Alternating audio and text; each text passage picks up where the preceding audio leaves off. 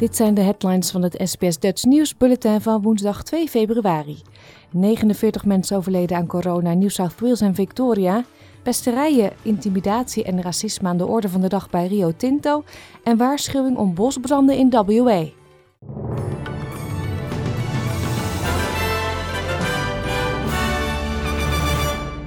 New South Wales heeft in de afgelopen 24 uur 27 COVID-gerelateerde sterfgevallen geregistreerd. De staat meldde ook 11.807 nieuwe besmettingen. 2622 mensen liggen in het ziekenhuis, van wie 170 op de intensive care. Victoria meldde 25 COVID-doden. De staat telde 14.533 nieuwe besmettingen en 768 ziekenhuisopnames. Er liggen 99 mensen op de IC, waarvan 31 aan de beademing. Uit een rapport van de wereldwijde mijnbouwgigant Rio Tinto blijkt dat er binnen de organisatie een werkcultuur heerst waar pesten, intimidatie en racisme aan de orde van de dag zijn. Ook blijken er in de afgelopen vijf jaar 21 meldingen te zijn gedaan van verkrachting of poging tot verkrachting of aanranding. Bijna de helft van alle werknemers die meewerkt aan het onderzoek naar de werkcultuur binnen het bedrijf zegt gepest te zijn. In een aantal gebieden kwam ook racisme veel voor. De CEO van het bedrijf, Simon Trott, noemt de resultaten verontrustend en zegt dat het bedrijf er hard aan werkt om dit gedrag uit te roeien. The findings are really confronting uh, and it underlines the importance of the work that we are doing within our business to ensure that these behaviours don't happen um, anywhere across our business. In sms-berichten aan een liberaal kabinetslid noemt de voormalig premier van New South Wales, Gladys Berejiklian, premier Scott Morrison een complete psycho en een vreselijk persoon. Politiek verslaggever Pieter van Onselen van Channel 10 beweert een kopie van het gesprek te hebben en vroeg de minister-president daarop te reageren. Well, I don't know who you're referring to um, or the basis of what you've put to me. Um, but I obviously don't agree with it. And I don't think that's my record. Gladys Berejiklian zegt zich niets te kunnen herinneren van de berichten en heeft wederom haar steun aan de premier uitgesproken. Premier Scott Morrison heeft de vertraagde aankoop van sneltests door de regering verdedigd. Hij zei dat geen enkel gezondheidsadvies had voorzien dat een COVID-19-variant resistent zou zijn tegen vaccins. Volgens Morrison beschikten andere landen, waaronder het Verenigd Koninkrijk, al over de tests, omdat ze te maken hadden met tienduizenden besmettingen, maar dat Australië in de positie bleef om PCR-tests te blijven gebruiken. Hij vertelde tegen Seven Network dat snelle antigen-tests niet zo goed zijn als PCR-tests en dat de Omicron-variant de testvereisten heeft doen veranderen. Hij verdedigde ook in in Brisbane gevestigd bedrijf dat miljoenen reds naar het buitenland stuurde, terwijl Australië te kampen had met tekorten. Hij zei dat het bedrijf geen aanvraag had ingediend om de tests te laten goedkeuren voor gebruik. De autoriteiten van WA hebben een noodwaarschuwing uitgestuurd vanwege twee bosbranden. Het betreft delen van Martin en de stad Gosnells, waar 100 brandweerlieden een bosbrand bestrijden dat al meer dan 90 hectare land heeft verwoest. Ook is er een waarschuwing voor gebieden in de buurt van Kirup in de graafschap Donnybrook-Ballingjup. De autoriteiten waarschuwen mensen in het gebied om onmiddellijk te handelen om te overleven. De Russische president Vladimir Poetin heeft kritiek geuit op de aanwezigheid van de NAVO in Oost-Europa en beschuldigde de organisatie ervan hem te bespelen. Poetin is niet blij dat westerse landen hebben geweigerd in te gaan op de eisen van het Kremlin.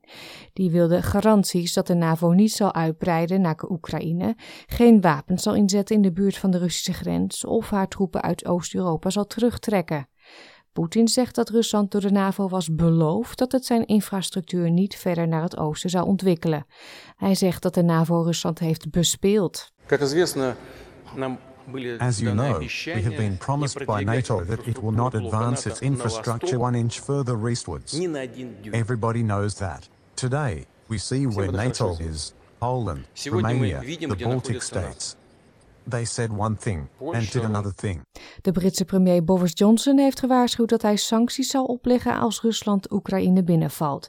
Hij zei dit tijdens een bezoek aan Kiev voor een ontmoeting met de Oekraïense president Volodymyr Zelensky. Johnson zegt dat een invasie een politieke, humanitaire en militaire ramp zou zijn en dat het VK actie zou ondernemen. We are also preparing a package of sanctions and other measures to be enacted the moment the first Russian toe cap crosses further into Ukrainian territory. And we have done all this and prepared all this not as a show of hostility towards Russia, but as a demonstration that we will always stand up for freedom and democracy and Ukrainian sovereignty in the face of aggression. Tonga gaat vanavond voor twee dagen op slot na de ontdekking van twee COVID-19-gevallen op het eiland. De besmettingen zouden zijn ontdekt na routinecontroles van havenarbeiders in Nuku-Alofa. En een close contact van een van de positieve gevallen zou andere locaties in Tonga hebben bezocht. Premier Sowaleni en de minister van Volksgezondheid hebben de lockdowns bevestigd. Tonga was tot op heden een zo goed als COVID-vrij land. Er werd vorig jaar slechts één geval gemeld na aankomst van een vlucht uit Christchurch en is nog steeds aan het herstellen van de recente vulkaanuitbarsting en tsunami. De Verenigde Staten zullen naar verwachting eind februari het COVID-19-vaccin van Pfizer voor kinderen onder de vijf jaar goedkeuren. Regelgevers van de FDA, de Food and Drug Administration van dat land, verwachten dat Pfizer goedkeuring zal aanvragen voor twee doses voor kinderen tussen de zes maanden en vijf jaar. Die zouden een tiende van de dosis van volwassenen bevatten. Denemarken schrapt de meeste COVID-19-beperkingen omdat het het virus niet langer als een sociaal ernstige ziekte beschouwt. Mensen hoeven niet langer maskers te dragen in het openbaar vervoer en in winkels en hebben ook geen digitale passen meer nodig om openbare gelegenheden te betreden. Deense autoriteiten zeggen dat hoewel het aantal gevallen hoog blijft, de beperkingen niet langer nodig zijn omdat het hoge aantal besmettingen zich niet vertaalt in meer ziekenhuisopnames en behandelingen op de intensive care. Het buurland van Denemarken, Finland, heeft aangekondigd dat het later deze maand ook de beperkingen zal opheffen. De Verenigde Naties hebben een poging tot staatsgreep in Guinea-Bissau veroordeeld. Gisteren waren zware geweerschoten te horen en werden gewapende mannen gezien rond het regeringspaleis in de hoofdstad van het West-Afrikaanse land. De president en de premier woonden daar een kabinetsvergadering bij.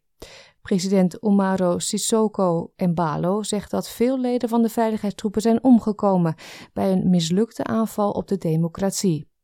VN-chef Antonio Guterres heeft de soldaten die betrokken zijn bij de staatsgreep aangespoord om terug te keren naar hun kazerne. We don't know yet uh, the details of what's happening. Uh, it is for us clear that coups are totally unacceptable. We are seeing a terrible multiplication of coups. Uh, and our strong appeal is for soldiers to go back to the barracks and for the constitutional order to be fully in place in the democratic context of today's Guinea Bissau.